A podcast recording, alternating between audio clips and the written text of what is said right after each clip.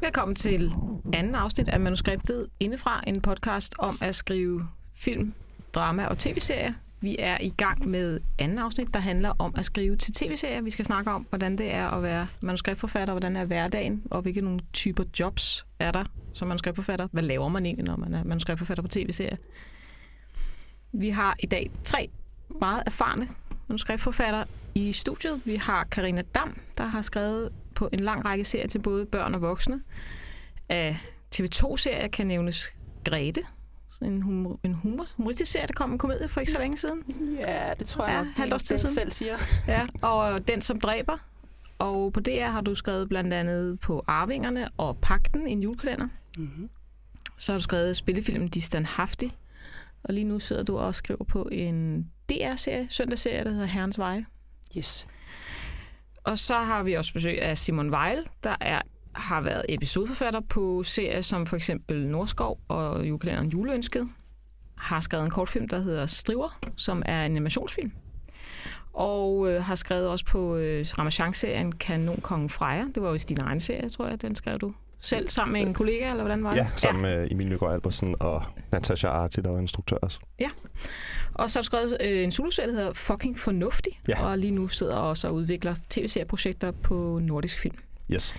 Og til sidst har vi besøg af Per Dagmiller, som også har været med til at skrive en rigtig lang række tv-serier på både DR, TV2 og andre kanaler og flere spillefilm. Af nyere serier kan vi nævne Arvingerne, Gisseltagningen og også Nordskov. Og tidligere har du blandt andet skrevet på Nikolaj Jule og den første sæson af Forbrydelsen på DR. Ja. Og spillefilm, der kan vi nævne øh, Det Store Flip og den også ret nye Fuglene over sundet.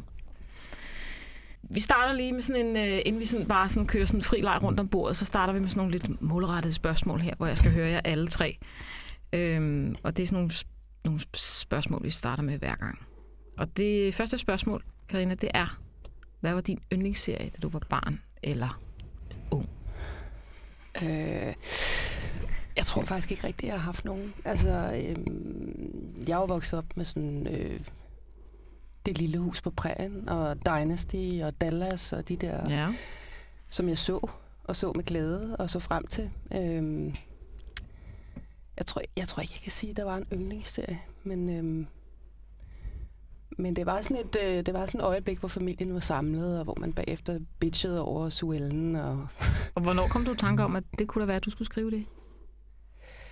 Øh, sent. Rigtig sent, faktisk. Øhm, altså, jeg var 30, da jeg kom ind på filmskolen, og det var sådan en rimelig en ny tanke, jeg fik der. Mm. Øh, jeg havde spillet noget teater i nogle år, og tror egentlig, jeg, eller ikke tror, jeg, jeg ville egentlig gerne have været instruktør. Øhm, og så kunne jeg ikke overskue de der fire år på filmskolen på SU. Jeg var egentlig forsørger og tænkte bare, shit mand, det, kan, det går ikke. Så, øh, Tænkte du tager manuslinjen? så tænkte Den jeg, var tager dengang. manuslinjen, den var kun to år, Ja. det kan jeg godt lige klare, og så kan vi ligesom måske sådan snige os ind ad bagvejen på en Mm. eller anden måde, eller det smagte lidt af... Men har du så stadig instruktør? Tanker? Nej, egentlig ikke. Nej. Nej. Så tog det andet over, og jeg kan egentlig også godt se sådan sidenhen, at, øh, at jeg har altså, faktisk altid skrevet. Så Mm. det, er ikke, øh, det var egentlig ikke så, så underligt. Nej, ja, Det, det det var, var faktisk ret fint, det var sådan, det gik, Ja. ikke? Ja. Ja. Og Hvad med dig, Simon? Hvad var din yndlingsserie, når du sad derhjemme? Øhm, ja, øh, det var, nu selv som barn, der var det første, jeg tænkte på, faktisk den Batman-serie, der kørte i sådan noget Snup Søndagsklub, kan jeg huske som noget af det sådan tidligste, hvor jeg fulgte Var med det i en animation, serie. eller? Ja, det var animation. Ja. Ja. Øhm, hvor det var det der med, at jeg skulle følge med og skulle se hvert afsnit og ligesom følge en ark på en eller anden måde. Og senere Buffy, som en serie, der også havde stor betydning for mig, tror jeg. Og så er jeg vokset op i 90'erne, så Rap 4 LA er måske også værd at nævne som nævne. noget, der har betydet noget. Ja. Det er i hvert fald noget, det jeg kan huske. Og hvad med dig, Per? Ja, det kommer også an på, hvor lang tid vi skal tilbage, men jeg husker det første, det var nok De Uheldige Helte med Roger Moore og To- Tony Det var sådan Collins. først, du var opmærksom på, at det var noget, man skulle se, eller du skulle se. Ja, men det, det tiltalte mig, så har jeg Ja. tænkt over nu, efter jeg så, fik spørgsmålet, hvad, hvorfor, hvorfor Mm. var det egentlig det? Altså, men det er jo sådan to arketyper, to modsætninger, Mm. der, der mødes, og Ja. at, uh, identitet, som man leder efter Ja. i tv-serier. Så. Og hvornår fandt du ud af, at øh, du skulle skrive manuskripter?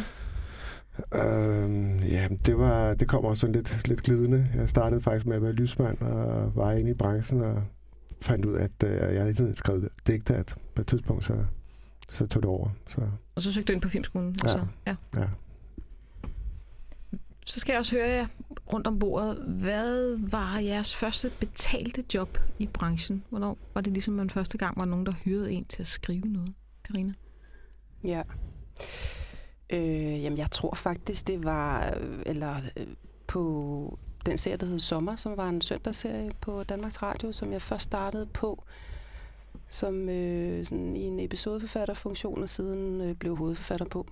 Øh, det var egentlig det første øh, job. Øh, en ret stor mundfuld, når man lige kom ud af filmskolen. Ja. Og hvad med dig, Simon? Det var sammen med dig på Nordskov. Der kan man bare se. Det var lige af filmskolen. Var, så øh, var det der, jeg sad og prøvede at skrive noget, øh, et afsnit af det. Ja. Øh, men det var fedt. Ja. Og svært, men fedt. Ja. Var Øh, der... Øh, blev der støvsuget på de årgange der? Du er, du er, du er nogle nyere årgang end, eller nyere årgang end, end Per og Carina. Jeg kom ud for der- fire år siden, Ja. ja. og der har været sådan meget godt gang i den, Ja. ja. egentlig. For, for øh, mit indtryk er både min årgang, og sådan, men også årgangen omkring det. Der er Mm. jo sådan ret godt gang i udviklingen lige nu, virker det som om. Folk har noget at lave. Ja, det virker det til. Ja. Øhm, og jeg tror, vi var, en, vi var i hvert fald en årgang, hvor folk, der kom ind, godt kunne lide, og så synes vi var søde. Og det, øhm, Det det går jo også noget vej, ikke? At, Ja. ja. at øh, det var et meget homogen hold, og sådan, så Ja. jeg tror, vi havde sådan en god energi at komme ind, så det tror jeg har øh, haft en indflydelse efterfølgende, efter vi Ja. kom ud. Hvad med dig, Per? Var det også efter filmskolen, eller var det før? Nej, det var, det var før filmskolen. Ja. Det var væsentligt, væsentligt flere år før. Der, jeg havde jo en instruktør, som jeg lavede sådan et parløb med, Mm. uh, Nils Grobbel, og vi lavede vores første øh, kortfilm sammen, og, og vores første, øh, ja, sådan en rigtig spillefilm. Det startede egentlig også som en kortfilm, men blev så øh, udbygget. Ja, det er med overfunder. Ja, med hed ja. den her. Og jeg kan huske, at jeg fik 32.000 for at skrive spilfilmsmanuskript dengang, så Ja, var det før du meldte dig ind i Dansk Dramatiker? ja, det var før, da Dramatica eksisterede, tror jeg. ja.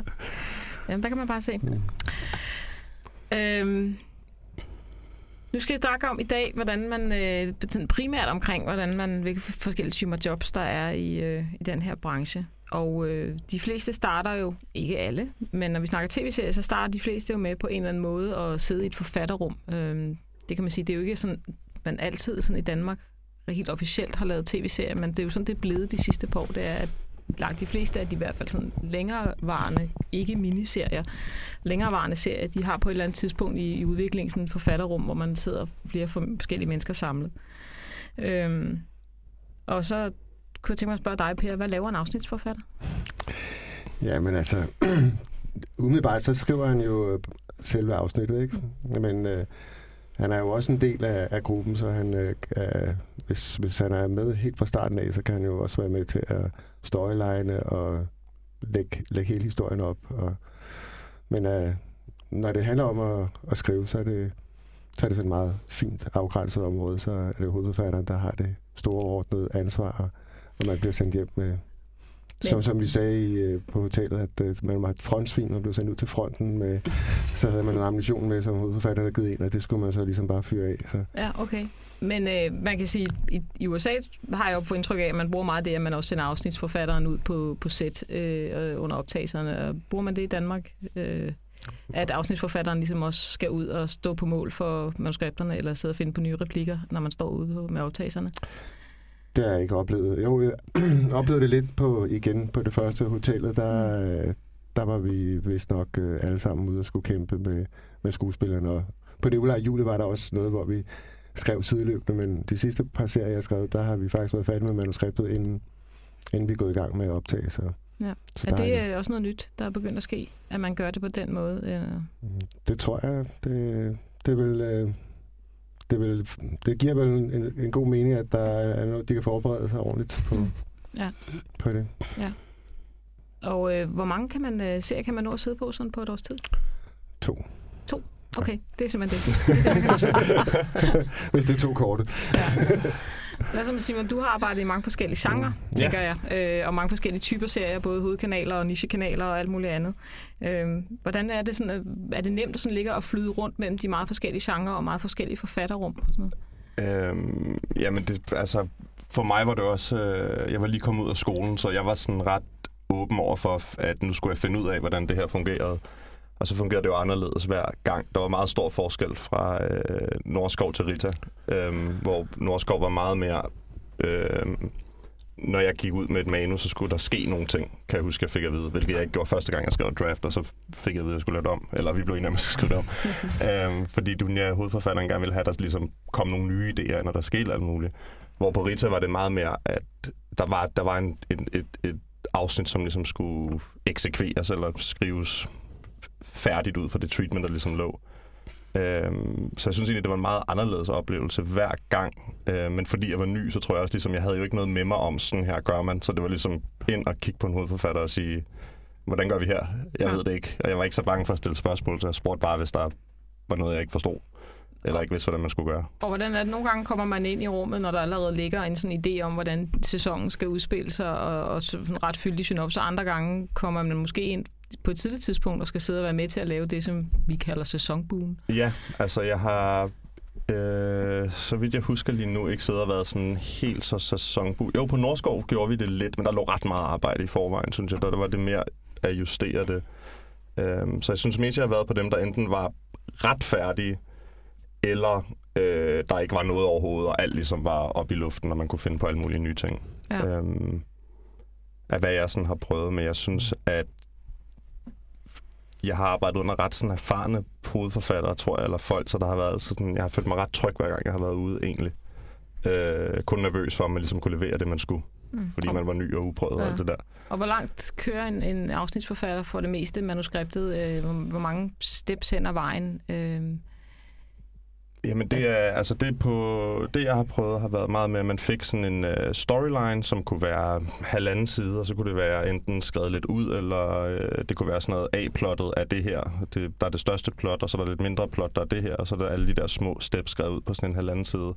Og så går man ud og skriver det, der hedder treatment. Skal jeg forklare, hvad det er? Det må du gerne. Ja, ja. det er en, uh, man kan kalde det sådan en scenegennemgang, eller et manuskript, hvor man ligesom har skrevet det er sådan halvfærdigt, der er ikke noget dialog, man skriver bare lidt, hvad der sker i hver scene. Så skriver man det, afleverer det til hovedforfatteren, får nogle noter, øhm, og så skal man så ud og skrive, og jeg har skulle skrive to draft, tror jeg, hver gang. To øh, udkast til afsnittet. Og så får man ligesom noter hver gang, hvor man mødes med hovedforfatteren. To runder, hvor man skriver ja. replikker og, ja, kan man sige... Ja, skriver det færdige ja, manuskript, ja. ja. ja. Øhm, og så tager hovedforfatteren efter det og laver forhåbentlig lidt om, og forhåbentlig ikke så meget om. Skriver du om? Ja, men, gang, ja. man vil gerne have, at uh, hovedforfatteren har så lidt at lave som muligt, efter man har skrevet det. Ikke? Ja. Uh, ja. Karina, hvordan er det så, når man har skrevet et eller andet øh, manuskript, og det er så alle de der geniale ting, man har skrevet, som så ikke kom med? Hvordan er det det? Du ved ikke, om det nogensinde er sket for dig. Uh, det kan man selvfølgelig ja, sige. Ja. Øh, jamen, det kommer lidt an på, hvorfor det er forsvundet. Altså, hvis ja. øh, det er let nok at se årsagen til, at noget skal forenkles, eller nogle relationer øh, skal være større, eller et plot ikke fungerer, eller der er noget konsekvens i forhold til det, der er sket, og det, der skal ske, så er det klart, så skal der laves nogle ændringer. Øh, jeg tror, der, hvor jeg synes, det kan være svært, at der bliver lavet om, det er der, hvor man måske har arbejdet på et projekt, hvor hvor hovedforfatteren ikke har haft tid til at sætte sig ind i, eller ikke har prioriteret at sætte sig ind i, hvad der har ligger idéer i manuskriptet. Så øhm, ja, det synes jeg i virkeligheden er de omskrivninger, der er sværest. Det kan vel også være et, en, noget med, at man simpelthen bare arbejder på forskellige måder. Altså nogle mennesker har det jo godt med, at, sådan, at tingene sådan sker i sidste øjeblik, eller man, man venter meget længe ja. med at tage nogle sådan helt ja. overordnede beslutninger omkring historien og manuskriptet. Ja. Andre har det sådan med, det er fint, det, vi aftalte det i 14 dage før, for så kan jeg sidde og massere det. Mm. Og så man siger, hvis man så ligger kan man sige, på hver sin ende af den skala, så, så kan det selvfølgelig være svært. Ikke? Ja. Men hvordan bliver man så hovedforfatter? Fordi du, øh, kan man sige, det blev du meget hurtigt, kan ja. man sige. Men hvordan er normalt er sådan vejen fra, fra afsnitsforfatter til hovedforfatter? Hvad, hvad skal man kunne for at blive det? Mm, yeah. Altså, jeg, nu har jeg mest lavet ting på DR, og det er jo, der, er jo, der er jo efterhånden lidt en tradition med, at, øh, at man har været episodeforfatter et stykke tid, på nogle, gerne på nogle forskellige serier, øh, inden man er hovedforfatter. Øh, øh, hvad skal man kunne? Altså mest af alt skal man jo have en, en rigtig god idé og brænde for den og have lyst til at stå på mål for den og, og lave det der lange, lange seje træk, det er, og øh, gnæve sig ned i det og have stamina nok til at blive ved, også når det virkelig ikke er sjovt, og når man får blodsmag i munden og sidder klokken 4 om natten og skal have en scene til at fungere. Øh, man skal ville noget med sit materiale, man skal øh, ja, men altså dybest set øh, have noget have noget alvorligt kørende med det stof, man sidder med. Ikke? Mm. Øh, Så man kan sige, der er jo også forskel på, hvor længe man skal være i, hvor, man, hvor længe man skal trække den vogn, kan man sige, ikke? Altså i forhold Jo. til, om man, så der, er jo- det er vel også en af fordelene ved at være episodeforfatter, det er, at man ikke skal Man stå, ikke man står ikke med det ansvar, og, og kan man sige, også øh, i Ja. så lang tid, ikke? Det er jo Ja. også et, et tidsspørgsmål. Ja, ja, men, men helt sikkert, det er både det, der det, altså det sjoveste ved at være episodeforfatter, og letteste ved det, det er jo, at man kan komme ind og være super legesyg og crazy i en, en, en eller anden kortere periode, og, øh, men man står ikke med den til sidst og skal få tingene til at fungere og hænge sammen, og mekanikken, der er ligesom, altså, øh, ja, det er det, det, det er det sjoveste ved at komme ind og, og kaste noget energi ind i et projekt og forsvinde igen, ikke? og så lade Mm. de andre stå med, Ja. med alt det til at få det hænge sammen. Ja. Ja. Så hvor mange, jeg har, om, tænker på, om nogen af jer har et indtryk af, om, om vi er flere fuldtidsmanuskriptforfattere, øh, end vi var for 10 år, 15 år siden. Det har jeg ikke noget indtryk Det har du ikke indtryk Jeg af, Simon. Du er så ung. Men hvad, hvad siger Jeg synes, I der er mange, der arbejder. Ja, Virker det til. ja. Altså, jeg ved ikke, jeg synes hele tiden, jeg hører sådan Mm. noget, øh, der mangler forfattere, og vi kan ikke få fat i, og er der synes, siger jeg det? hører helt, mm, Det? producenter, Ja. tv-stationer, øh, selvfølgelig mest omkring hovedforfatterfunktionen, øh, funktionen, men, men, men i det hele taget, øh, det har jeg lidt svært ved at se egentlig, at der... Og er det fordi, synes, vi er mange. ikke øh, har fået trænet nok til det, eller er det fordi, der kommer flere serier? Eller fordi folk smutter til udlandet? Det er jo også en, en, noget, vi ser for Ja. øjeblikket. Det er, at der er nogle enkelte, der tager Hmm, til udlandet og arbejder. det er nok de mere erfarne, der gør det, ikke? Ja. som det ser ja, ud. det er en håndfuld. Det, Det er det. ikke, det er ikke mange. Nej. Jeg synes også, nogle af dem, der bliver nævnt, der tager til udlandet også, altså så ved man, at de også har nogle ting i Danmark, de er i gang med at udvikle med. Præcis. Yes, det virker ja. lidt overdrevet, den der historie om, Ja. alle de dygtige og store forsvinder ud til udlandet. Det er nok i virkeligheden mere en, en instruktørting, instruktør, og en skuespillere, især instruktørting, at, Ja. at de ligesom Mm. bliver suget op i det store udland. Ja, Mm. der er nogle enkelte, men der er også, jeg synes også, jeg har hørt historier om, at så fedt er det heller ikke at, altså, Nej. at være afstødsforfatter i, i Hollywood. Men, Der er også et, øh, en, Mm. øh, noget med noget, at man skal pludselig bo i et andet land og skrive på et andet sprog. og ja, jo, altså, vores sprog er jo vigtigt, ikke? Altså, Ja. ja. det vil jeg da mene, at man skal Mm. virkelig være god på engelsk, tror jeg, for at kunne gøre det. Og det jeg hører også, at man skal skrive lidt hurtigere. For dem, jeg ved, der har en gang i nogle ting, at man skal virkelig... Altså, det, det, det er mange flere sider på meget, meget kortere tid, og mange, Ja. mange flere omskrivninger også på meget, meget kortere tid. Ja, udviklingsprocesserne, Mm. eller Ja. tiden er simpelthen kortere Ja. fra idé til færdig Mm. manus. Ja, og de der Hollywood-typer virker fuldstændig ligeglade med, Ja. at det bliver gjort på en anden måde her. Ja. Det er om en uge, og så skal det bare være bedre og Ja. skrevet helt om, og Ja. være noget andet, og være på hovedet, og være billigere. Ja, Præcis. dødeligheden blandt forfattere er også den højeste. Altså i Hollywood, der er det forfatterne, der ryger først. Er det det? Ja, det læste jeg og tænkte jeg, okay, så, så det sgu meget vildt. Lad os bare blive der? Ja. Så vi synes, det, det er en krise, den er lidt overdrevet, den der med, at der mangler forfattere, eller hvad? Jeg ved det ikke. Jeg synes bare, jeg kender også forfattere, der ikke har så meget at lave. Ja. Øh, så mm, ja. Og der kommer jo flere og flere, og, og både fra Filmskolen og Super 16, og folk, der bare øh, gør det selv. Ikke? Ja.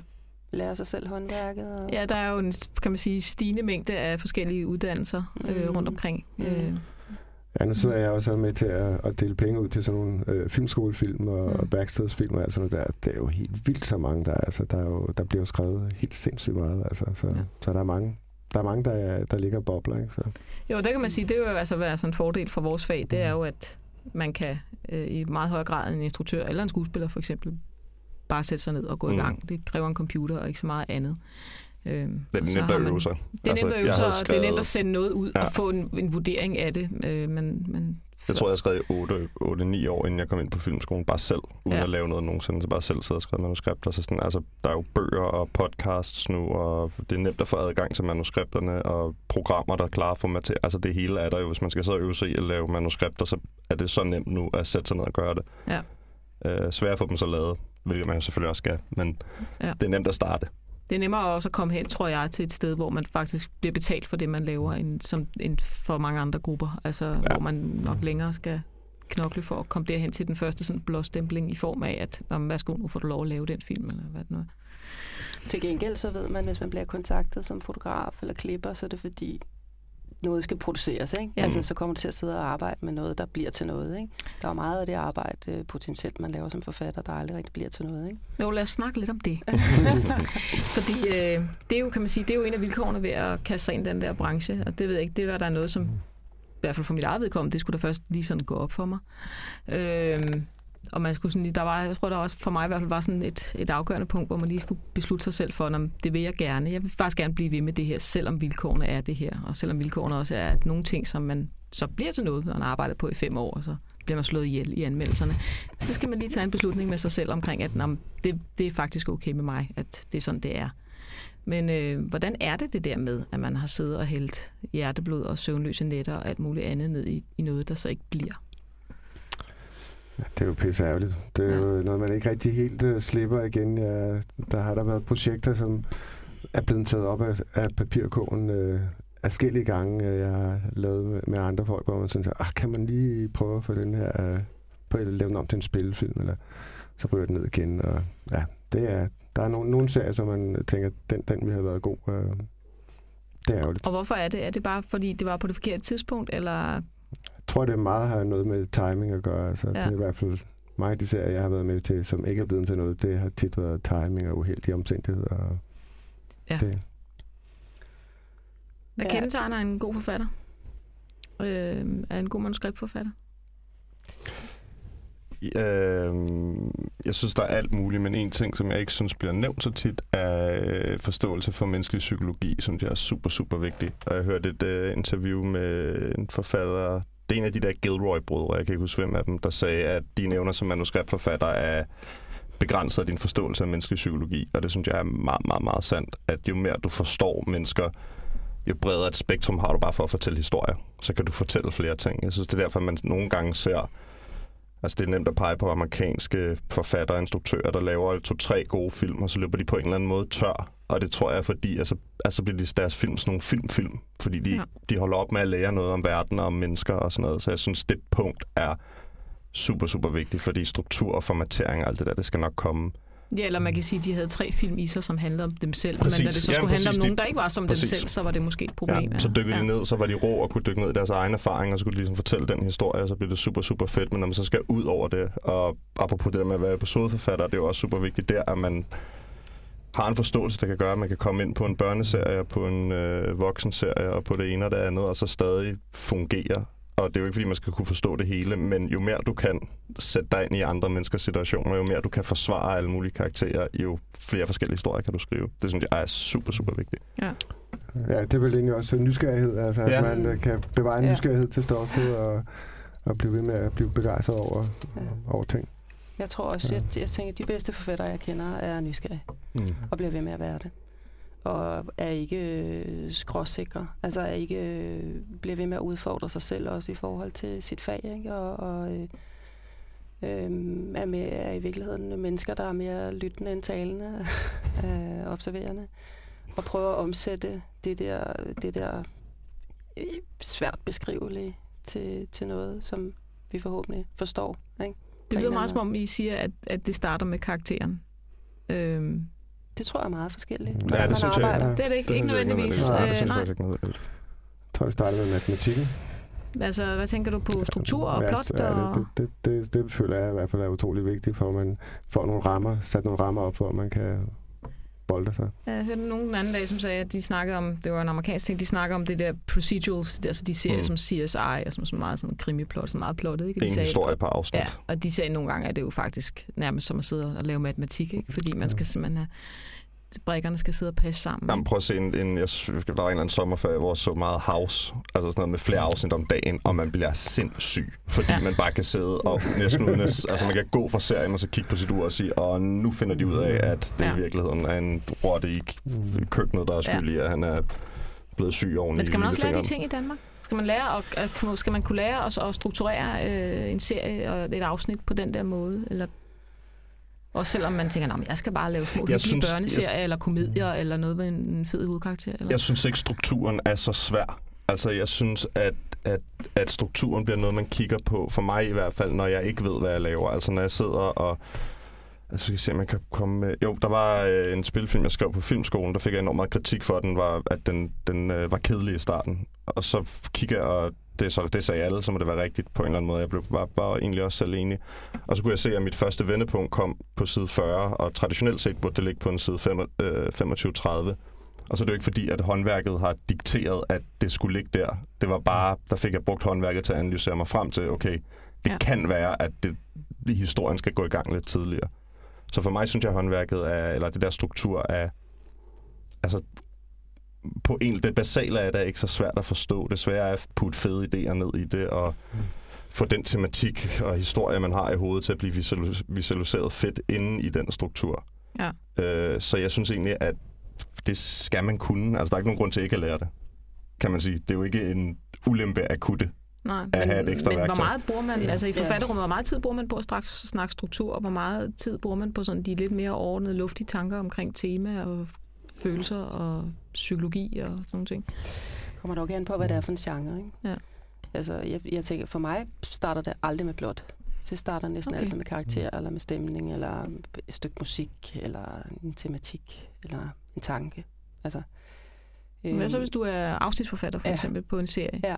og du skal skrive et afsnit, du skriver afsnit Ja. 4 i en eller anden serie, som, Mm. som man siger, så er der jo selvfølgelig utrolig meget givet på forhånd, ja. karakterer og også en, en sådan overordnet bue, det skal puttes ind i, Mm. øh, stil, genre osv. Øh, kan du så også der godt lade dig så inspirere noget, noget udefrakommende, som du siger, en, en, noget musik Ja, eller et det eller kan jeg andet? godt, og, og hvis ikke jeg kan, så skal jeg lade det være. Altså, så skal jeg ikke have noget med det at gøre, fordi så bliver det for, for dødssygt, og, Okay. og så bliver det en money job, man har det skidt med, synes jeg. Ikke? Øhm, men jeg synes også, også fordi det er, det er super svært at imitere en andens stemme. Altså, man, hvis ikke man selv har noget kørende med det, man skal lave. Du kan ikke lægge dig op af en hovedforfatters... Øh, der er noget med smag, der er noget med interessepunkter, der er noget med åh, det er fedt med den her karakter, eller den her relation og sådan noget, men, men, det, men jeg kan ikke skrive som et andet Så menneske. det vil sige, når du skal skrive et afsnit af en tv-serie, så bliver der nødt til at være et eller andet, som er mm, personligt for dig, Ja. som på spil, kan man Ja. næsten sige, som, som, øh, som du kan ligesom der skal være finde noget, der kilder mig. Der skal, til. være noget, der skal være noget, der jeg bliver nysgerrig på, og Ja. ja. helst også noget, jeg bliver klogere på. Altså på en eller anden måde noget, jeg ikke vidste i forvejen, og skal prøve at finde ud af øh, sammen med de andre. Det er meget godt sagt. Det er jo netop, at man har en nysgerrighed, hvor man øh, har altså noget, man skal, skal lære selv, mm. Mm. hvis man er i tvivl om. Jeg også sidder med et projekt, hvor at jeg egentlig ikke kunne lide hovedkarakteren til at starte med, fordi at han virkede meget usympatisk, men jeg blev meget nysgerrig på ham. Han er meget sammensat. Og langsomt øh, graver man sig ind i ham, altså, kan man sige, fordi man, man, vil bare, man vil bare finde ud af, hvad det, hvad det er, der ligger inde under. Er der plads til at grave sig ind i karakteren, når man skriver sådan noget meget sådan målrettet krimi og sådan noget, som jeg ved, du har gjort flere gange? Øh, Ja, det skal der jo være. Det, Ja. ja. det er jo... Der, selvfølgelig er der ikke så meget som på en spilfilm. Det er klart, at Nej. uh, spilfilm det er et meget længere stræk, man er over. Og, men, uh, men jeg synes det er også på, på tv-serier, vi bruger jo sindssygt meget på at, at snakke om de karakterer, og det er, jo, det er jo det, der er det svære. Altså, det er jo at, at, at blive enige om, hvor ligger han henne, eller hvor ligger hun henne, uh, og hvordan reagerer hun på det, og hvordan reagerer hun på det. Ja. Det, det synes jeg er noget af det, man bruger allermest tid på. Så det vil sige, at man sidder ikke kun og snakker i løbet af dagen om én ting, plot eller Ja. karakter. Man sidder hele tiden og sådan noget. Ja, det er Helikopterer op og Ja, ned, det er ja. de, ligesom de to øh, yderpunkter, man har. Man kan starte det ene sted eller det andet sted, men man havner altid et eller andet sted midt imellem jo. Så, fordi at karakteren fodrer også plottet, og plottet fodrer karakteren. Så. Jeg synes nogle gange, man, vi havner i den der med, at, at der er et eller andet, der ikke virker, og så kigger man på karakteren og siger, okay, hvad er det det her vendepunkt? Han gør noget, der ikke giver mening, og så er det meget noget struktur noget, men så zoomer man ud og siger, okay, hvordan er det med, når man har en syg mor, og man er i den, og så begynder man at tænke de der store tanker om, hvordan mennesket fungerer i den her situation, og lige ens karakter, så det bliver sådan en frem og tilbage hele tiden mellem, altså, man kan komme så langt væk fra noget, der overhovedet minder om den serie, man har gang i, men ligesom cirkler tilbage, fordi det hele bliver sådan en diskussion af, hvordan fungerer mennesker, eller hvad vil man gøre i den her situation? Hvad er sandt og troværdigt at gøre i den her situation? Hvor er det så, at man oftest oplever, kan man sige, at man skal kæmpe lidt med det med andre og i, i møder, og kan man sige også med tv-stationen, med instruktører osv. Er det, er det på plot, eller er det på karakterer, eller hvor er det, man Det er oftest har svært ved at forklare hinanden, hvad man egentlig Det mener? er, på, det er på tillid, synes jeg. Det er på tillid, okay. Ja, altså tillid til, at, øh, at man kan løfte et projekt sammen og et forløb sammen, en historie. Øhm, når, når det, fordi det andet det er til at løse. Altså struktur, og hvor, hvor vil vi hen med det her? Hvad er der med den her karakter? Hvorfor kan jeg ikke lide ham? Hvorfor kan jeg ikke forstå ham? Hvorfor kan jeg ikke se ham for mig? Øh, det, det kan man løse på en eller anden måde, forholdsvis simpelt. Øh, der, hvor det, hvor, det, hvor, hvor det ikke flytter sig, hvor der ikke er fremdrift og sådan noget, det er næsten altid, synes jeg, hvis der ikke er tillid i rummet. Øhm, Jeg har mest på den, nej undskyld, Ja. altså med, med holdninger. Altså det synes Ja. jeg tit, jeg er rent ind i, at det simpelthen bare, at man er sådan på et helt grundlag, altså helt gru- på, hvad, hvad hedder det? Grundlæggende? Grundlæggende, Ja. ja. præcis. Man er helt grundlæggende uenig om noget ved, hvordan mennesker fungerer, eller hvordan livet er, eller hvordan man ville gøre i den her situation. Altså det er simpelthen moral og etik. Mm. du Ja, på kommer en eller anden måde. Ja, altså, ja. det, det synes jeg skulle jeg rende ind. Ikke så meget, men jeg synes, det er der, de største har været, hvor man simpelthen er sådan, jamen, sådan her synes jeg ikke, det er. Og så den Nej. anden, jamen, jeg synes, at det føles som om, ja. man diskuterer. Sådan synes jeg ikke, man kan opføre sig. Nej, altså, godt synes- Jo, det kan man godt. Nej, men ja, altså, det- eller, Ja. det, men det er som om, man diskuterer, hvad farven på væggen er. Ikke? Ja, og der er en, der ja. sidder og siger, at den er blå, og den anden siger grøn, og så er det sådan, jamen, hvordan, Ja. det kan vi ikke blive enige om på en eller anden måde. Nej. Øhm, jeg ved ikke, hvordan man løser det, men Ja, jeg, jeg synes, jeg også, jeg er rendt ind i den. Jeg synes tit, at, øh, at jeg har den oplevelse, at, øh, at der er sådan en konsensus i rummet, at når den stærkeste idé kommer, så bliver den ligesom, så, så, så er de fleste andre forfattere, fordi vi har været ud af alle de andre veje, mm. så, ah ja, okay, så må så, altså, ellers er det problematisk, hvis man selvfølgelig overhovedet ikke kan, kan tale sammen i rummet, men Og så er der nogle gange en hovedforfatter, der bare siger, nej, det synes jeg er kedeligt. ja. Og så det må man jo jeg, på jeg synes, det er meget måde. interessant, det du siger, Per, med, med den bedste idé, fordi nu spurgte du før, hvad, hvad en god, god Ja. forfatter er, ikke? Og jeg synes, en god forfatter, både når man er episodeforfatter og hovedforfatter, er også en forfatter, der kan den der, altså, der er, hvor der er den der vigepligt i et rum, Mm. mm. og man godt kan sige, at det, det er sgu lige meget, det er nemlig den bedste idé, der skal vinde, ikke? Det, det, det, det er det, vi er her for. Øh, og hvem der får den, og om der er en, der får den fire gange i træk, og en, altså, det er, det er summen af det, der sker Mm. der, som er det interessante, ikke? Til gavmildhed på en eller anden måde. Ja, og at, og, og give plads. Ja. Altså, det er sådan en anden underlig dans en gang imellem, ikke? Ja, Der var, jeg hørte engang en, en, et citat, øh, man skal altid give med i, i et samarbejde, end man forventer at få igen, og den har jeg tit ja. tænkt over. Den er, den er god, og det er selvfølgelig også, der skal man, der skal man æde noget stolthed, men, øh, men, men det er en god øh, indgang at have Mm. i et samarbejde. Ja. Mm. Altså, hvor du, det med at være en god episodeforfatter, man skal give sine bedste idéer. Mm, ja, ja. Hvis der er noget, Ja, man ja, lige holde på Ja, en eller anden idé, fordi man tænker, den, kan, oh, den er for fed, den skal jeg bruge i et eller andet, jeg selv laver, det holder overhovedet Så kan man få en ny idé. Ja, præcis. Plus altså, Ja, Ja, jeg De tror de faktisk man også det der man bliver giver sine bedste idéer, så bliver man også bedre til at få en, Fuldstændig. god idé. Ikke? Ja, ja. Altså, Og man fordi, ja. Man kan jo ikke lave det her, hvis ikke man kan få en ny idé. Nej, Altså, hvis man har nej, sin nej, bedste så idé, det er og ikke gider give den, ja, virkelig dårlig arbejde. det bliver en kort karriere.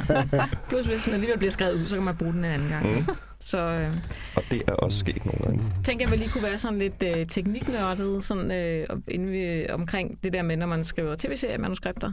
Øh, hvordan øh, bygger man sådan et op, Simon? nu er det dig, der har gået på filmskolen senest. Så derfor så tænker jeg, at det kunne du lige... Ja, men det øh, Emil og jeg gjorde, da vi skulle skrive afsnit til Kanon Kongen Freja, det var, at vi lavede en øh, model med otte sekvenser. Hver sekvens var en 8. del af, jeg kan ikke huske, hvor lang afsnit, det var en halv times tid. Og så øh, i første sekvens, så skulle vi præsentere en situation. Næste sekvens, et stort problem. Så skulle de prøve at løse det, så skulle de prøve at løse det igen. Så skulle de få det lidt nederen, eller få det lidt lækkert. Så skulle det hele gå galt, eller det skulle også skulle det gå godt. Og så et twist på det, og så en rigtig slutning. Det lyder meget Yes. som Og øh, det- langt de fleste komedieserier, og, Ja. egentlig også dramaserier. Ja, Ja. Men det, og den bruger jeg egentlig ret tit, og det er ikke fordi, det dikterer særlig meget, men det er bare nemmere at overskue 8 bidder end 1000 bidder, og så fortalte vi egentlig bare, med den serie havde vi nogle ret klare karakterer, og noget ret klart, vi ville, og så prøvede bare at fortælle hinanden en grinerende historie. Sige, hvad hvis det starter med det her, der er en fødselsdag, okay. Hvad hvis øh, en vil have, det bliver en klæde ud, og det vil den anden ikke, og så fortalte vi os som regel bare hen til sidste akt, og så vidste vi ikke, hvad der skulle ske der, og så gik vi rundt om os selv i lang tid, indtil vi fandt på en sjov løsning.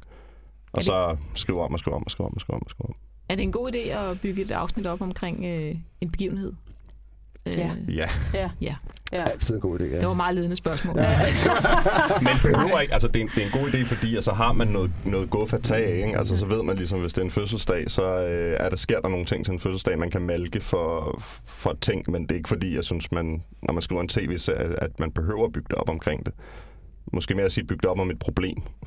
Ja, men det så bliver der sådan, også, kan det også blive en, rang, en række af, af, af, kan man sige, begivenheder og Mm. highlights. Ja, men jeg synes også, nu er det jo, jeg tror, er det ikke Mogens, Mogens Rukov, vores øh, Jo. gamle Ja. lærer, der har mere eller mindre opfundet den naturlige historie, eller navngivet den i hvert fald. Ikke? Jeg synes, øh, det er noget af det, jeg bruger allermest. Og jeg synes, nogle af Mogens' pointer omkring det der med ikke hele tiden at skulle opfinde ting Mm. mm. fra, fra bunden, fordi vi alle historier er fortalt, ikke? Men vi, men det der med at tage udgangspunkt i en begivenhed, hvor der er noget identifikation, vi genkender den her situation alle sammen, for eksempel en fødselsdag eller en begravelse eller en nytårsaften, whatever. øh, og vi kender på en eller anden måde forløbet, når klokken 12 er der fyrværkeri, og, og, og rådsklokkerne bimler og sådan noget. Det der, det, der bliver interessant, er så på en eller anden måde, når man så indimellem bryder den der naturlige historie, og gør noget andet end det forventelige. Ikke? Øhm, og det synes jeg, jeg synes, det er sådan meget frigivende på en eller anden måde stykke håndværk i forhold til ikke at tænke, at man skal være genial. Mhm. Mm. Altså, det, altså, at det originale Mhm. tit ligger i en eller anden lille detalje i det, man laver. Ikke? Øhm, gør det, og gør det til noget særligt. Mm. Men jeg synes egentlig ikke, man finder på. Jeg begynder at se på det mere, som at man tager beslutninger. Altså man siger, "Nå, men nu er det, hvis det er den her karakter, så afgrænser man med det samme alt muligt, man ikke kan fortælle. Altså hvis Mm. det er en øh, 10-årig pige i Danmark, så Ja. kan hun ikke tage med NASA til månen, men så skal man i hvert fald lige arbejde sig derhen. Ikke? Altså, hver gang man træffer en beslutning om, hvad, hvad der er i serien, så afgrænser man alt muligt. Så man sidder i virkeligheden bare og laver afgrænsninger, indtil der kun er én ting, der kan ske, og det er så afsnittet på en eller anden måde. Der Måns jo også snakket rigtig meget om, øh, hvor, hvor, hvordan rammerne, hvor vigtigt det er, at man starter med at lave nogle hårde rammer, fordi så øh, udfolder fantasien sig på en, mm. på en Mhm. bedre måde. Ikke? At man, ja, ligesom ved, Og der er jo-. Kan man sige, også andre rammer i, i dansk øh, fiktion, dansk tv-fiktion. Der er jo blandt andet ret tit meget stramme økonomiske rammer Mm. mm. for, hvad vi kan og sådan noget, men det er... Jeg fik et godt råd af Jeppe Gervig Gram en gang, der har skrevet Borgen øh, og Bedrag, øh, hvor han sagde, lad være med at prøve at skrive en serie, som de kan lave bedre i USA. Ja. Fordi Emil og jeg prøvede at skrive Breaking Bad, og så kiggede han bare på det og kunne med det samme se sådan, altså prøv at Mm. drenge, det, det kan I ikke. Det kan I ikke. Nej. Vi har simpelthen ikke vi kan ikke lave Breaking Bad, men vi kan lave nogle andre ting meget federe, og så det er, er det at finde dem på en eller anden måde. Hvordan er det dansk, er super, super vigtigt. Præcis. Og det, er også, og det gælder jo så netop også for økonomi. Det er, at man siger, okay, vi kan ikke lave de her ting, jamen, hvad kan vi så lave, som er Men der er, også, ja, der er både økonomi, men jeg synes også, der er smag og tradition. Altså, hvis Ja. man forestiller sig Avengers i Danmark med danske skuespillere, så bliver det ikke, altså, det er jo ikke troværdigt på samme måde, fordi vi har ikke den tradition. Mm. Så skal man finde en anden måde at gøre det på, for at det kan fungere, ikke? Øhm, eller Det, det, actionfilm. det er jeg faktisk ikke helt enig i, Nej. det der. Jeg synes, øh, jeg synes faktisk, det var super fedt dengang, der kom rejseholdet, og man bare tænkte, ej, skal de nu til at lave sådan en politiserie, altså, og det går galt. Øh, Jeg synes, det var super fedt, at man, at man bare gik med den der Mm. idé, selvom der ikke var en tradition på det tidspunkt, så blev der skabt en måske. Men jeg synes faktisk, at, øh, at vi godt kunne blive bedre til nogle gange at, at, at gøre noget andet. Det er klart i forhold til økonomien, der er masser af ting, de kan bedre hen i Hollywood, end, end vi kan. Men, men øh, jeg synes også nogle gange, at vi bliver lidt konforme i forhold til nogle, nogle genrer og nogle sådan, øh, måder at arbejde på, Helt sikkert, som men- vi har fundet ud af, at det her fungerer. Så gør vi det sådan, og bliver ved med ligesom, at give det videre til hinanden og sådan noget. Jeg synes godt, man kunne ruske lidt i det der. Det er jeg helt enig med dig, men jeg tror heller ikke, at det er, altså, øhm, det er det der med, når man prøver at imitere, når det, er, når det bliver sådan en imitation af en amerikansk ting, mere end det bliver en, hvor langt kan vi tage det her ud? Mm. Altså, jeg synes, det må være den måde, man kigger på og siger, hvad har vi af historier, man kan fortælle i Danmark, og så hvor langt kan vi presse dem ud, så det bliver nyt og ikke konformt og fedt og modigt og sådan noget, men øhm, nogle gange kan man godt blive sådan lidt betaget af de der Hollywood-serier. Øh, jeg ved ikke, hvad min pointe er. Jeg tror, man skal bare prøve at forsvare det, jeg sagde tidligere. Der er der nogen du nu mig der har prøvet konform. at sidde og arbejde på en serie, udvikle på en serie, så, hvor man smed det der, kan man sige, øh, hele det her strukturting lidt ud af vinduet. Øh, Vi lægger jo også tit øh, struktur ned over en sæson. Altså man siger, der, skal også, der er også vendepunkter i, i sæsonen. Altså så kommer der et første vendepunkt efter afsnit 2, hvis det er en sæson på 10 afsnit osv. Så, videre. så vi arbejder jo hele tiden mere eller mindre udtalt og bevidst, øh, nogle, nogle gange meget udtalt øh, med det der med de der strukturer, der skal ned over afsnittene. Nogensinde nogle af jer, der har prøvet at sidde på en serie, hvor man bare kastede det ligesom ud af vinduet? Desværre ikke. Men, Desværre ikke, øh, nej. Men øh, lige nu er der jo den nye Twin Peaks, der kører, hvor man fornemmer, at de har smidt det hele ud af vinduet, og det er jo fantastisk at se. Og Ja. man bliver jo så misundelig over, at man ikke laver Ja. noget mere af den slags i Danmark. Det er altså. seks afsnit, og man sidder stadig og venter på andet vendepunkt. Eller første vendepunkt. Øh, kan, øvrigt, Per, kan du ikke fortælle, hvad er et vendepunkt? Fordi bare så dem, der måske sidder og lytter til det her, som ikke rigtig ved, hvad det er. Et vendepunkt er jo en overraskelse, ikke? at øh, man starter ud et eller andet sted, øh, har en, en eller anden samtale om, det kan være det kan være om ens arbejde eller sådan noget der. Man har travlt på arbejdet med en kollega midt i samtalen, så, siger, så er der en, der siger, at jeg har forresten øh, fået en knude her Mm. mm. oppe på slagen. Ikke? Efter det så vil alt samtalen jo på en eller anden måde handle Ja. om, om det. Og det vil jo så være en overraskelse for den anden, der sidder på den anden side. Og, Ja. og det er at kaste en... en op, ikke at starte med at starte scenen med, ej, jeg har fået en, en knude. Altså, men, Man sætter Ligesom- tingene i en ja. ny retning. altså, der, ja, ja. Så vil man få noten, det sgu for kedeligt, det der med knuden. Først kommer jeg Du skal starte med, at han kommer og siger, ja, og så skal der ske noget tit, endnu ja, vildere ja, bagefter. Ja, ikke? det, Ja. ja. Men det, det, det er tit sådan, men... Det Der er også øh, mange, der snakker om, det har jeg aldrig selv brugt så meget, men øh, jeg ved, de underviser i det på filmskolen, men øh, vendepunkter i scenerne også, altså helt ned i den. Altså, Ja, ja, det er man det, har tænker om, vendepunkterne ja, både ja. i, de, i den store bue på sæsonen, så har man den i de enkelte afsnit, og så er der vendepunkter helt ned i scenerne, hvor man ligesom siger, Jamen, det var sådan et pænt Ja. ja. vendepunkt, jeg snakkede Ja, om. ja, præcis, ja. Altså, jeg sidder og puttet, jeg har puttet en scene ind i 8 sekvensmodel også. Ja. Altså, det synes du kan tage hele, du kan hele tiden, altså, du Ja. kan næsten tage en sætning og putte en helt treaksmodel det ned vil jeg over sige. det. det på bliver en eller anden vendepunkter måde. i replikkerne, ja. Fraktaler på en eller anden måde. Der, Ja. ja. Ja, ja. Men jeg synes, at det der struktur mere er et analyseapparat, altså, eller et værktøj, eller sådan...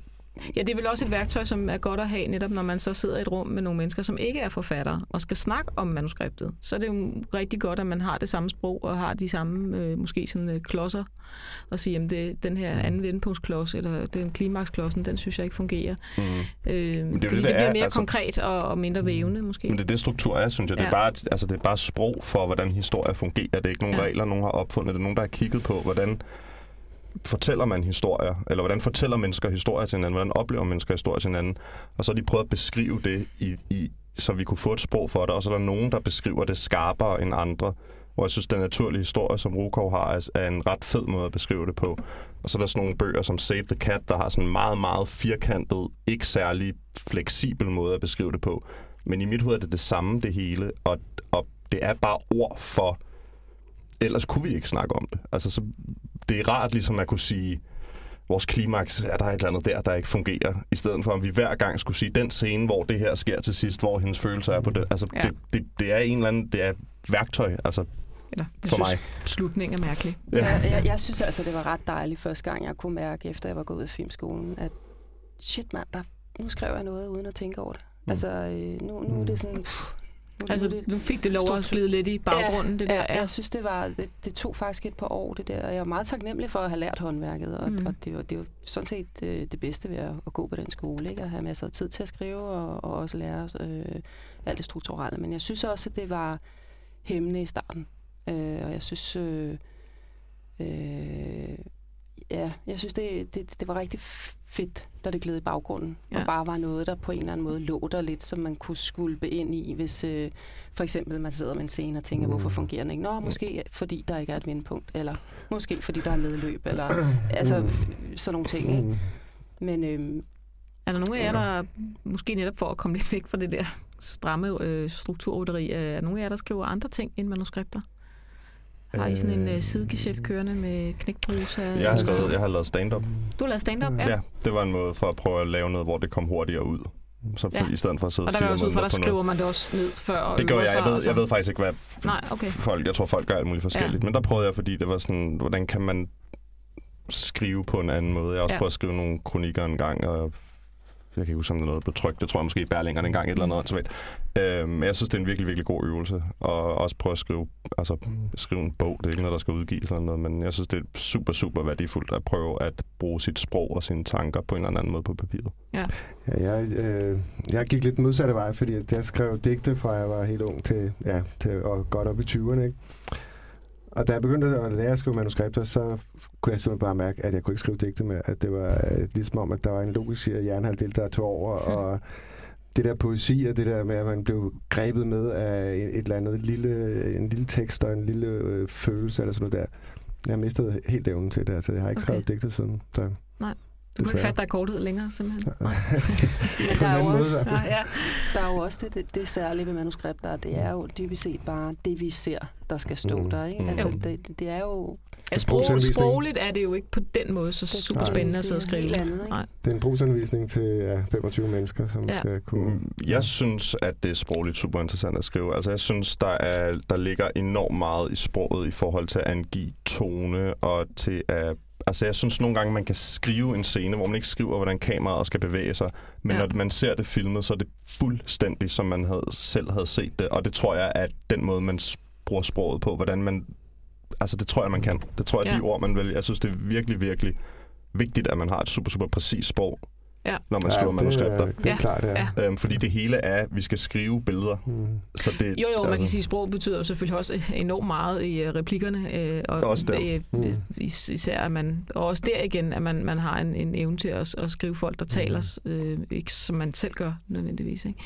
Altså, det er jo selvfølgelig, på den måde er sproget super vigtigt. Man prøver jo også at få poesi ind i det, man skriver. Altså, det er jo, Mm. mm. Ja. det, der, der, der vil man jo godt skabe et, et lille digt i hver eneste scene på en eller anden måde, den, at den har det. Så, så det er måske der, man lægger sin energi. Jamen, også, jeg tror, de fleste øh, manuskriptforfattere har en eller anden kærlighed eller respekt for det, så der er også noget med bare at gøre jobbet fedt for sig selv. Altså, jeg vil Mm. gerne skrive en god sætning for min egen skyld, fordi at det er federe for mig. Ja, og hvis Mm. man sidder og skriver noget, man selv synes er røvsygt, så er der nok også andre, der vil synes det. Mm, præcis. Eller? Mm. Og det er også vigtigt at lave en god læseoplevelse, specielt hvis, altså, hvis man er ny og skal vise sit manuskript til nogen. Altså, det, det er vigtigt, det, at det er lækkert at læse, og det glider, og det er underholdende. Altså, det hele.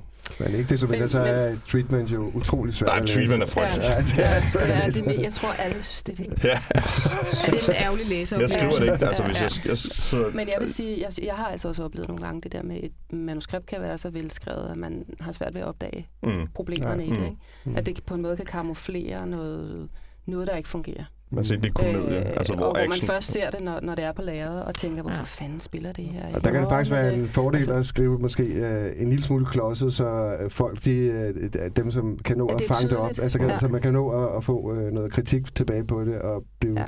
og få en diskussion over det, Ja. hvor man netop måske kan med sproget f- forføre sig ind Ja. Jeg har set ja, det ske med, med komedie, hvor det, Ja. folk har så skraldgrinet sin reading, fordi action-teksten var sjov, men det, der skete, var ikke særlig sjovt. Ja. Så snart Ja. man Ja. ligesom skulle se det, så blev det bare super flat og kedeligt Ja. og uinteressant. Ja, de der readings, altså. Det. man kan ikke sådan helt regne med de Nej, nej, reaktioner. nej, De, nej. Men man kan nogle gange godt læse Men der er bare så meget og tænke, nervøsitet i rummet under Mm. en reading, ikke? Og der er også nogle skuespillere, som er, måske er øh, ja, usikre, eller, eller øh, ja, det, er, det er sådan en, en, en meget kunstig skarp situation Mm. på en eller anden måde. Det er en rigtig god situation at ligesom samles og sige, hey, det er det her, vi skal ud og lave, men, men, men det er rigtigt de der grin og de der reaktioner, man får og sådan noget. Man skal ikke regne med, at Nej. de er der i, i den anden ende. Vel? desværre. Jeg tror, at mange mennesker, der ikke ved, hvordan det er at være manuskriptforfatter, de tror, at man sådan sidder derhjemme, øh, og det er sådan det, man gør. Man sidder derhjemme på sin computer, og så sidder man og skriver.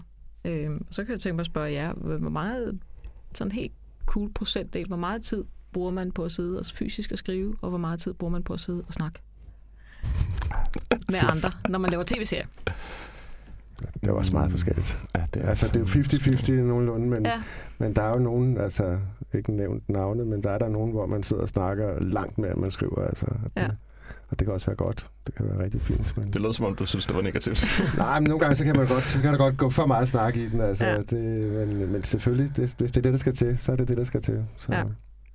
Men, men det er vel cirka half and half, er det ikke? Jeg tror simpelthen, jeg, jeg tror ikke, jeg har været ude længe nok til, at jeg synes, jeg kan sige, det, at det har været fuldstændig random og forskelligt. Og, Ja, det er meget forskelligt. Det kommer også an på, hvor mange man er på projektet måske. Ja, ikke? Fordi, synes, hvor mange mennesker, der skal være at Og, længere egentlig. ja, og hvor langt det er. Altså, ja. Ja, og formatet. Og, Ja, hvor vi altså, jeg har lige skrevet noget på Rita. Der var meget lidt rum, men det var sæson 4. Altså, der, det kørte jo, tror jeg, at Ja. det var derfor. Det ved jeg ikke, det kan godt være nogle andre grunde, jeg ikke kender til, men, men altså, der var ikke så meget rum der for Nej. mig. Nej. Ja, hvis det kun er afsnittet, vi snakker om, så, så, så bør øh, skriveperioden jo være længere, men Mm. nu tænker jeg også tit, øh, Hvis man er de lange, de lange udvikling. bord er... Er ja. Men man sidder jo heller ikke 8 timer om dagen og skriver jo. Gør man? Nogle af jer, der gør det? Måske op mod deadline. Ja, måske op mod deadline. Ja. Hvornår skriver I bedst? Mellem 9 og 3. Mellem 9 og 3. Det, ja. det, det siger jeg nu. For øh, tre år siden, der sagde jeg mellem øh, ja, øh, 11 og 3 om natten. Men, men, Så fik du Du barn. blev Ja. far. Ja. Ja, ja. Hvad med andre? Det ved jeg ikke. Jeg skriver bedst om morgenen. Øh, men ja, jeg synes også, der er det, det, det kommer også an på, hvad det er. Hvis det er et first draft, så synes jeg, det er hårdt at skrive mere end 6 timer. Ja. Øh, eller 5-6 timer. Mm. Øh, hvis det er et rewrite, er det lidt øh, lettere at have en, en længere dag. Men det der, den der periode, hvor man kælver, altså skal komme med idéerne fra, fra noget, der er, om ikke blank, så i hvert Mm. fald øh, ikke lever endnu. Det er sådan øh, det mest udmattende, synes jeg i virkeligheden. Ikke? Og, og på mange måder også det sjoveste. Der får man Mm. brugt sig selv rigtig meget. Mm. Og Men jeg synes, det er, jo en uskik at skrive mere end maks 6, 6 timer. Ja. Og så nogle gode øh, overspringshandlinger indimellem os. Ja, og det er jo også tit, at det, er- eller det ved jeg ikke, hvordan I er, men for mig er det også meget noget sidetal på en eller anden måde, eller hvad jeg føler, jeg skal nå. Altså, hvor nogle gange er det også bare, altså, nogle gange kan det jo godt være en scene, som bare er super svær, og så er det ligesom, okay, så er det den i dag, og så er det bare den, jeg skal nakke, og så er det måske to ja. Ja. sider, der tager 10 timer, Ja, øhm, og så det involveret i en god tur og en, et eller andet andet. Altså, selvhed. Og, Ja, præcis, Ja, ikke? ja, mange Ja, kopper kaffe og sådan noget, ja. Ja. Men du sidder også om, om, om, om fra morgenstunden, eller er det... Det er super forskelligt. Det er- altså, er det, det- er ja. virkelig random, synes Ja. jeg. Uh, jeg, vil rigt, jeg vil rigtig gerne. Det bedste sådan, skriveperiode, jeg har haft, det var sådan noget, hvor jeg sad der klokken 9 og skrev til klokken 5. Ja. Og så kørte det bare i sådan et, jeg kan huske, tre, to-tre måneder på den måde. Det var super effektivt og fedt, men det Mm. var også meget, og det var også... Jeg synes også, det er super fedt. Jeg er så glad for, at, øh, at jeg har den der øh, børnehave-deadline der. der så, øh, det, det, det er en helt ny oplevelse for mig, og jeg skriver meget bedre om formiddagen, så det, det er godt. Hvad, øh, hvilken del af manuskriptet, øh, eller det at skrive, kan man sige, øh, som jo nogle gange også indebærer alt det, man laver, når man ikke sidder med øh, fingrene på tasterne, fordi man jo, det ligger jo sådan i baghovedet hele tiden, når man går rundt, og så sidder man i forfatterrum, og så er man til møder og så videre. Hvilken dele af, af den proces er de sværeste for jer? Hvor er det, I banker hovedet ind i væggen og tænker, at jeg skulle også bare være blevet noget helt andet?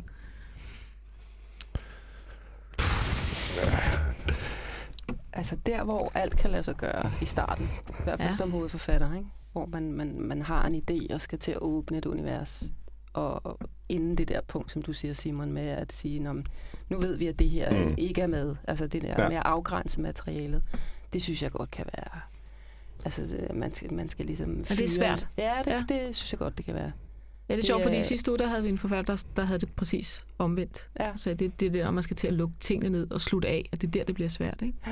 Men du synes, det er svært det der i starten, hvor alt er muligt, og ingenting er sådan Ja, konkret Ja, endnu. Ja. det synes det alt er muligt, ja. ja. Det, øh, Nu er snakker du i processen, ikke? Mm. Jo, jeg tænker sådan i både prøvet processen, men også i sådan, måske den, sådan, den enkelte skrive, øh, den skri, enkelte skrivedag, eller den, det enkelte sted i manuskriptet. Men, men det kan også være sådan i processen, hvor, hvor det er henne, man altid sådan har svært ved at punkt, man har svært ved at komme hen over. Altså, så synes jeg, noget af det hårdeste, jeg har prøvet, det er det, når man sidder fire mennesker i et rum og er uenige om, hvad der er, der er galt, og snakker forbi hende. Altså, sådan, ja. den der, det synes jeg kan være super ukonstruktivt og mega, mega hårdt, men det ved jeg ikke, om er proces, eller jo, om det er det, det, du er, det, er jo- det, er spørger jo en del af, det er en del af det at lave manuskriptet, ja. ja. Altså, det synes jeg nogle gange kan være svært, når man føler, at man ser noget forskelligt.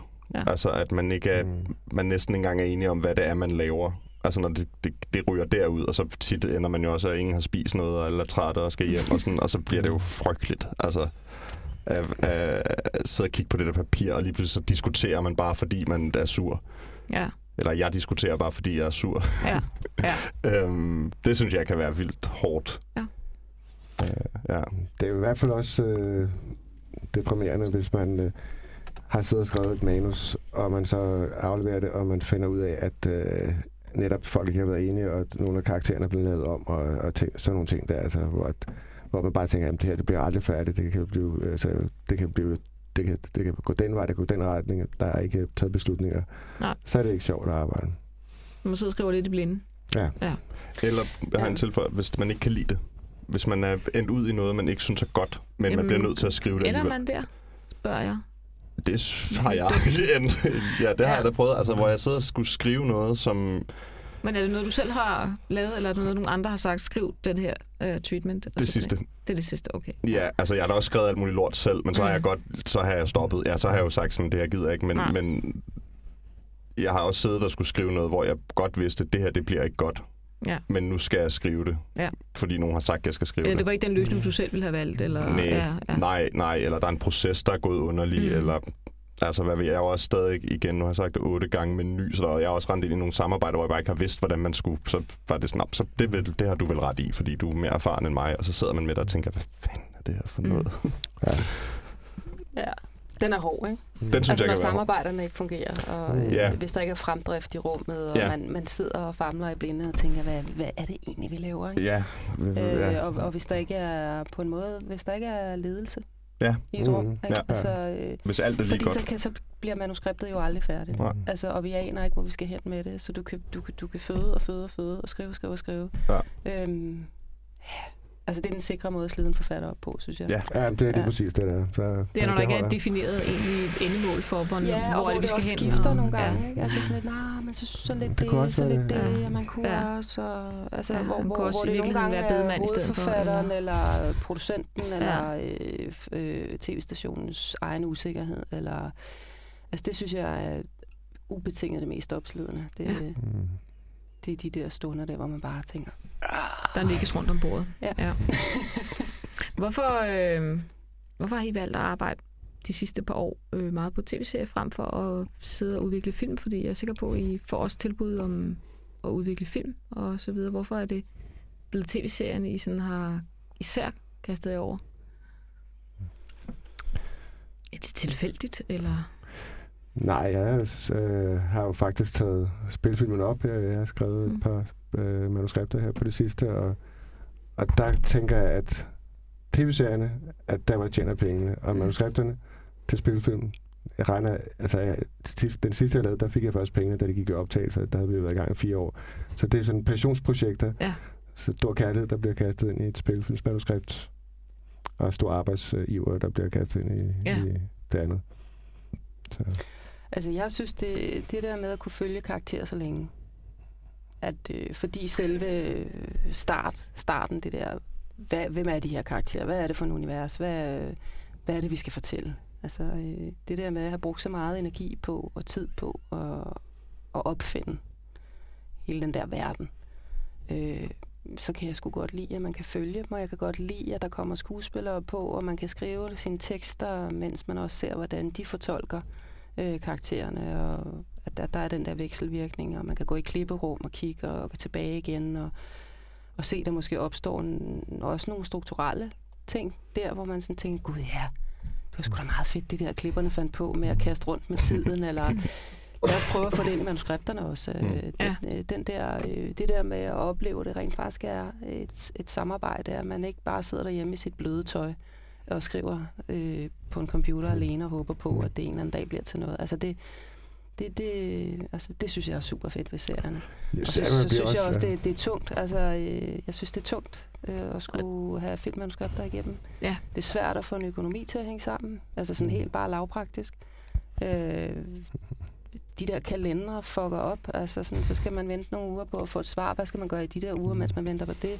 Mm. Nå, men så siger man ja til det andet projekt, og så gik der lige pludselig et halvt år, man ikke kunne, hvis man fik støtte, være Altså, det der med hele tiden at skulle... Altså, der er sådan en afbrudt samleje omkring de der øh, film... Øh, øh, ja. Ja, man er nødt til at have det som en slags elskerinde, som man kan komme Ja. til en gang imellem, Ja. men man ikke Ja. ligesom er afhængig af. Ja. Pludselig fik man en sms til ja, der har jeg også noget uaf- uafklaret der, ja. Ja. Øhm, Ja. så tænker jeg lige her sådan, som øh, sådan opsummering her, så kunne vi sådan kigge lidt ud over, øh, jeg tænkte, hvis vi nu skulle drømme, eller sådan tænke, hvilke nogle tv-serier, man synes, I mangler i, i det tv-serielandskab, der er lige nu i Danmark. Øh, hvilke Oh. nogle serier kunne I godt tænke at enten se eller skrive, som I synes mangler på skærmene, eller på streamingplatformene? Mm. Jeg synes jo altid, at uh, magisk realisme er fuldstændig fantastisk, og når det lykkes, så er der ikke noget... Har vi øh, egentlig lavet, er der blevet lavet sådan noget på Ikke siden dansk? uh, hotellet. det Hotellet? var magisk realisme. Ja, så. Riget var vel egentlig Riget også. var også, vel ja, Riget var også ja. uh, magisk realisme. Men, Vi øh, prøver også med det, jeg sidder med nu. Ah, og, fedt. og, Sommer var jo også lige på vej til... Ja, øh, men det vi, blev- vi, ja, vi, vi fik lov, og så fik vi ikke lov alligevel. Nej. Det var publikum ikke moden til men, men uh, der tror jeg, vi er et andet sted med publikum nu. Ja. Altså, Ja. man kan mærke, at der sker noget der, ikke? At de er vant til, altså de er opdraget gennem Netflix og HBO og alle de der andre serier, hvor de jo er vilde og gør alle mulige ting, både fortælleteknisk og med genre og sådan noget. Og det tror jeg, det håber jeg at komme til at smitte af på også. Ikke? Mm. Øhm, men det flytter sig lidt langsomt. Ja. Men altså, jeg synes, der er også sci-fi er også fede. Mm. Det, kunne, det Mm. kunne også være... Sejt, ja. Ja. Noget, ja, jeg ved det ikke. Jeg ved det faktisk ikke, hvis Nej. det er svært. Et eller andet dag. Jeg synes, det, jeg synes, der er så meget nu, at det, jeg, der tænder mig, at det, hvor jeg tænker, at det der overrasker mig helt vildt, og det der så jeg ikke komme, og jeg, jeg, noget, der gør noget, jeg ikke rigtig har set før. Jeg synes, noget nyere dansk, jeg har set, der var super fedt, var Klaas The Roommate sæson 2. Fordi det bare Ja. var underligt og fedt og anderledes og weird, og gik langt ud og lavede mærkelige flashbacks. Og sådan, altså, jeg vidste aldrig, hvad der skete. Det Nej. synes jeg var super fedt. Så mere, der er overraskende, egentlig. Ja. øhm, ikke kun på plot, men også på valg af, hvilken slags serie det er. Jeg ved Ja. ikke, om det giver mening. Det er lidt Jo, og abstrakt. genre og sådan, ja. Og, Ja, ja, ja, altså noget, hvor man tænker, altså noget, hvor der ikke behøver at komme en sæson 2 også, synes jeg er sjovt, noget, hvor man sådan kan rykke historien så langt i sæson 1, at det bliver umuligt at lave sæson 2 på en eller anden måde, da det i hvert fald bliver svært. Ja. Øhm, og så måske noget til vores unge mennesker. Altså, der er mange, der prøver, men jeg synes ikke rigtigt, der er noget, der sådan helt bliver sådan...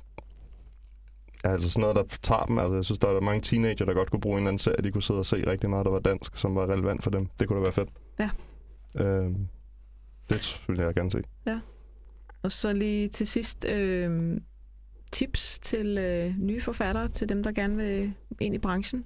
Øh, nu sidder vi jo med tre øh, afgangselever på filmskolen her, men øh, skal man på filmskolens manuskriptlinje, eller er der andre veje, og hvor, Det synes hvordan jeg gør ikke. man det? Det Hvordan synes gør jeg man det? overhovedet ikke. Men der er Super 16, der er alle mulige alternative måder. Der er mest af alt så bare mosle på. Altså, øh, blive ved med at skrive og skrive og skrive, og så hive fat i nogen. Altså sådan noget mentoragtig ordning. Man altså, Mm.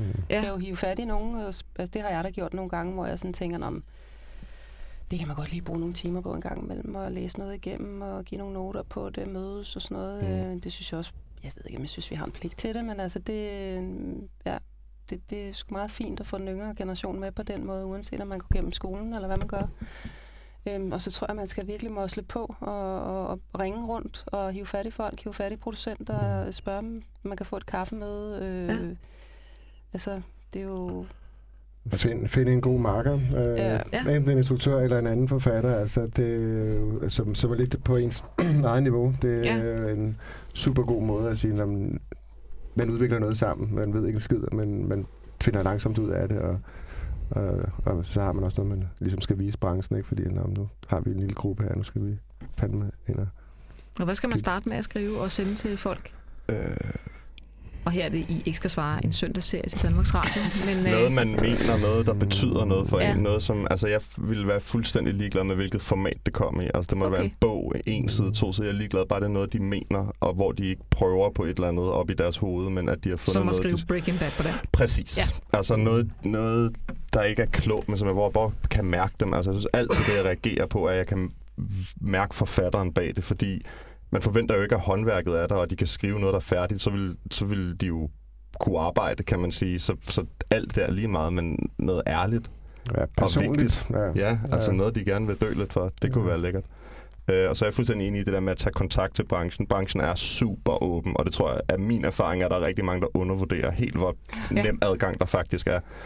Altså, hvor man kan diskutere med folk om, om de kan få møder. Hvor sådan, prøv, at du kan, du kan, man kan virkelig Ja. mødes med folk. Altså, alle er Du kan sikkert også få lov at sidde i et forfatterrum i 14 dage, hvis du Ja, vil. sagtens. Altså, Altså, jeg var, da jeg startede ud, der fik jeg et møde med René Esra, der er producer ude på Nordisk Film. Det gælder måske ikke, jeg kendte ham lidt i forvejen, men øh, Nikolaj selv i hvert fald. Og en eller anden til, hvor jeg bare skrev til dem og sagde, jeg har ikke lyst til at læse noget, eller give mig et råd, eller et eller andet. Og der var, altså alle sagde ja.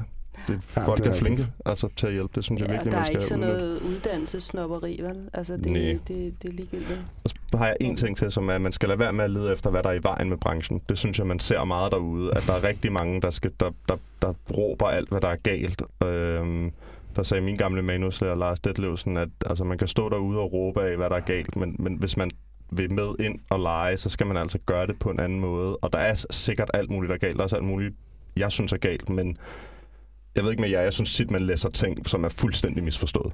Altså som er sådan, det der er forkert, eller sådan der er det ikke. Men mm. hvor der er sådan en eller anden underlig narrativ ude i verden om, hvordan den danske filmbranche er, som jeg ikke altid kan genkende. Øhm, så jeg synes måske mere, man skal, hvis man er ny, skal prøve at kigge på branchen og sige, hvor der er muligheder. Fordi alt det, der er galt, kan, de alligevel ikke, kan man alligevel ikke gøre noget ved, når man står udenfor. Så hellere se, hvor der er fedt, og kigge på, hvad der er godt ved branchen, og så prøve at gå efter det. Ja.